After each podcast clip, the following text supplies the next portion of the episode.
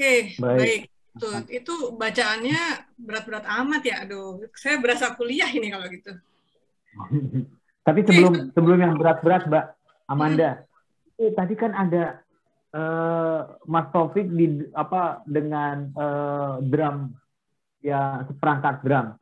Ini saya mau nanya nih, sampai sekarang masih ada kesibukan main drum nih Mas Taufik? uh, enggak sih, uh, tapi uh, ponakan ada yang main drum. Kapan-kapan saya mampir, saya masih suka uh, nostalgia juga ya, main oh. mainin drumnya. Tapi sekarang lebih suka dengerin Mas Bobby. Oh, Udah nggak iya. sempat Mas Bobby harus harus melakukan penelitian. Kalau nggak kumnya kurang ya Mas Taufik ya. Lu nasib dosen. Oke, Mas Bobby, kita mulai nih ngobrol-ngobrol nih. Saya mau komentar dulu. Itu bukunya sama bacaannya Mas saya, Enid Blyton. Aduh. Oh, Jadi pengen baca. Bacaan masa kecilnya itu. Kayaknya memang buku itu yang inspirasi orang ya. Betul. Jadi Kapan-kapan bikin... kita undang Blyton kali, Mbak. Kenapa dia bisa menginspirasi? Mas Bobby aja deh kalau gitu yang undang deh. Mas Taufik, gimana ini ceritanya buku kedua ini? Kayaknya eh, enggak waktunya agak agak banyak, agak lama ya dengan yang sebelumnya. Oh. Ada tantangan tersendiri. Oke, okay. uh, eh, ya sebenarnya kalau dari uh, awalnya sih harusnya buku ini lebih duluan ya, karena sebenarnya uh, perkenalan saya sama resiliency itu udah waktu belajar dulu ya, hmm. artinya 2009 itu dapat tugas dari kampus untuk uh, studi lanjut dan saya memang uh, melihat uh, konsep resilience itu waktu itu 2009 uh, sebenarnya udah cukup relevan, at least waktu itu untuk uh, apa namanya misi kita di kampus ya. Jadi waktu itu Bakri itu ingin mendorong entrepreneurship di kampusnya dan saya lihat itu mungkin satu tema yang yang sangat punya peran di entrepreneurship.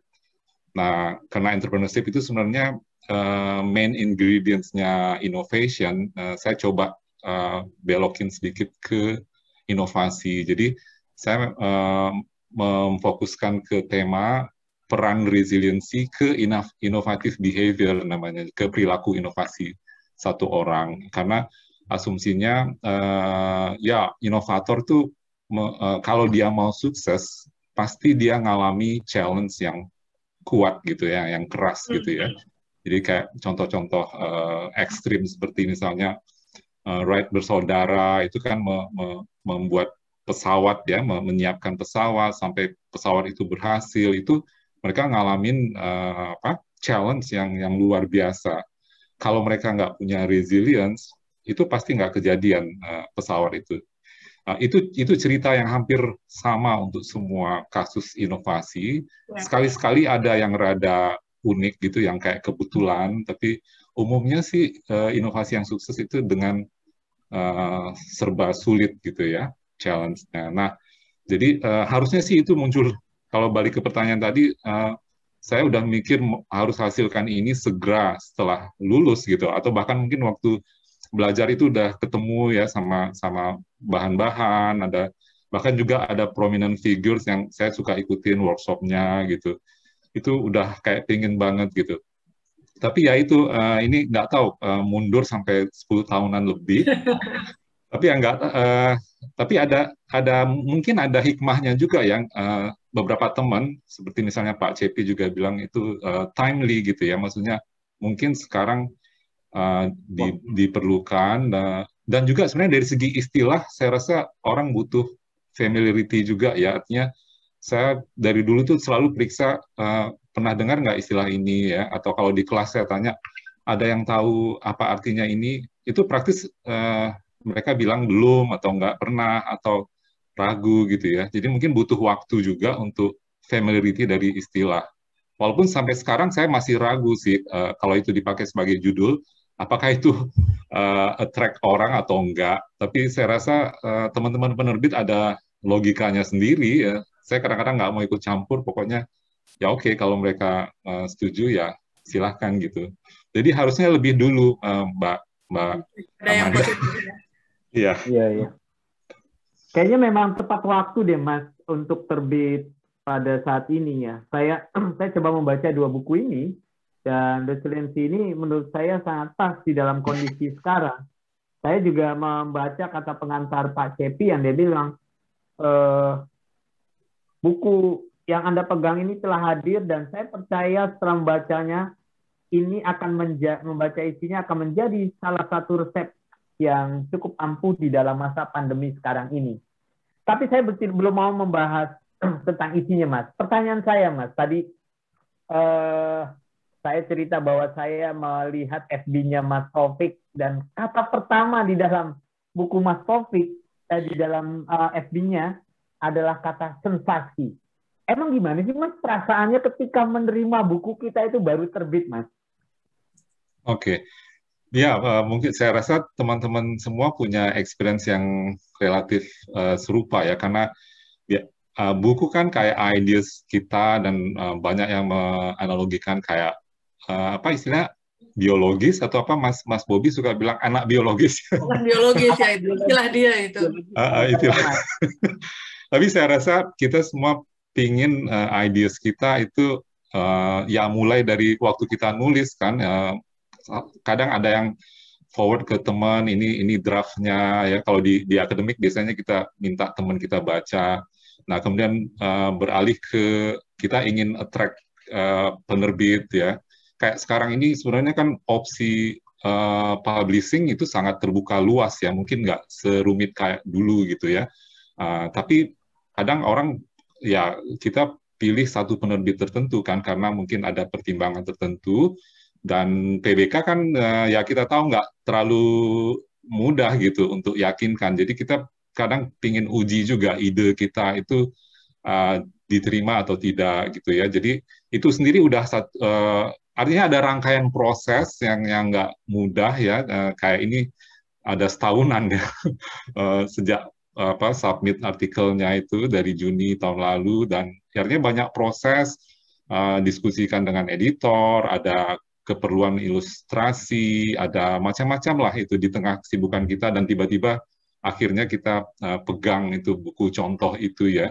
Dan uh, uh, saya bilang ya sensasinya lega, artinya ini di, uh, kita kita udah upayakan sedemikian rupa dan diterima dan akhirnya uh, ada wujudnya gitu ya. Jadi uh, ya kalau di buku itu juga nanti ada kayak sebenarnya itu kalau dari dari emotion uh, kita itu ngalami momen-momen uh, dan momen itu ada emotionnya. Jadi emotion itu sendiri sebenarnya kan momentarily ya. Jadi ada saat tertentu kita uh, ngalami sesuatu dan uh, emotion tertentu itu drive kita sesuatu. Jadi selalu ada kayak action urge tertentu. Nah itu yang di dalam buku itu kalau kita pelan-pelan coba apa pelajari gitu ya itu akan bermanfaat. Nah ya uh, artinya gini saya mau sampaikan salah satu yang saya aware adalah ya sensasi merasa bersyukur gitu. Artinya uh, kita udah upayakan bukunya udah uh, terwujud gitu ya dan dan nah nah memang action urge yang lain uh, adalah ya uh, saya bilang saya ingin buat lagi yang lain gitu ya karena um, ya kita semua tuh suka ada apa kayak project kayak satu upaya selalunya ada istilah kalau di manajemen tuh ada uh, uh, cost of growth ya. Jadi begitu kita beresin satu project yang kita anggap uh, penting, uh, kita tuh kayak antara sedih juga karena udah berakhir satu step, satu stage dan dan kita ingin next lagi ya uh, challenge yang lain dan learning yang lain gitu. Jadi ya itu yang saya bilang bersyukur dan kemudian uh, pingin buat lagi yang lain gitu. Nah, Jadi gitu. buku ke-15 sama buku ke-1 sensasinya sama nggak nih Mas Taufik nih?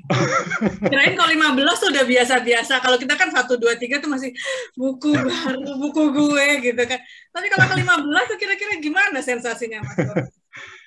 ya memang, uh, ya saya rasa mungkin setiap uh, uh, penulis mungkin ada background yang berbeda. Nah, uh, kalau di akademik kan itu biasanya kita uh, pelan-pelan ya ingin cari tema-tema yang lebih dalam ya artinya uh, awalnya ya mungkin kayak introduction uh, lebih ringan untuk kita tapi kan lama-lama karena kita uh, uh, melakukan penelitian dan lebih mendalami ke bidang tertentu, biasanya kita ingin lebih advance dan lebih dalam gitu ya.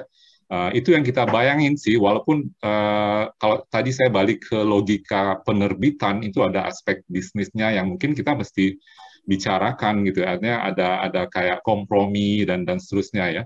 Tapi ya uh, seperti itu kalau kalau terkait sama buku yang ke-15 ya, artinya mau buat buku yang lebih jauh lebih dalam. Kalau kalau di yang pertama mungkin semua sama ya, kayak kita antara uh, ragu, uh, confidence enggak ya atau penerbit mau nggak terima.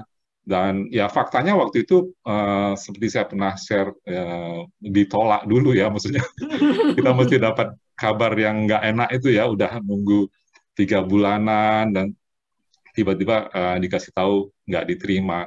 Uh, waktu itu sih saya sedang sedang apa uh, udah udah apa berkarir juga ya di dalam business development dan biasanya ngurusin kontrak uh, ketemu partner dulu tuh ada logika kayak kita nih sama-sama punya kepentingan, interest masing-masing ada dan masing-masing punya punya peran. Jadi uh, harusnya sih nggak kayak dengan penerbit ya. Kalau dulu kan daya tawar apa penulis, penulis. itu kayak kayak di bawah ya, uh, kayak kurang gitu dan kita kayaknya harus nunggu dan uh, terserah deh mau bilang apa penerbitnya gitu.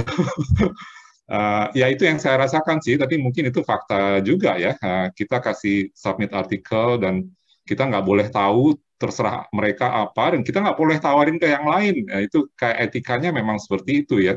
Tapi kalau kita mau kaitkan dengan bisnis, misalnya orang kalau nawarin sesuatu ya kalau kamu nggak cepat-cepat, saya kasih ke yang lain. Itu kayak gitu.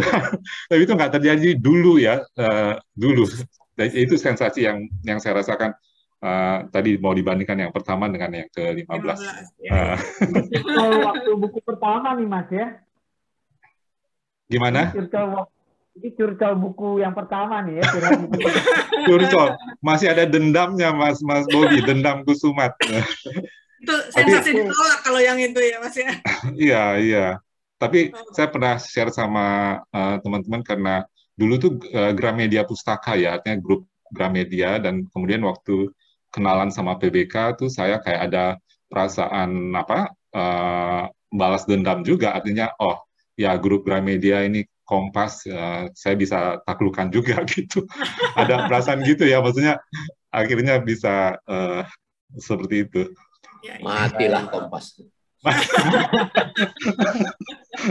Baik, bisa aja.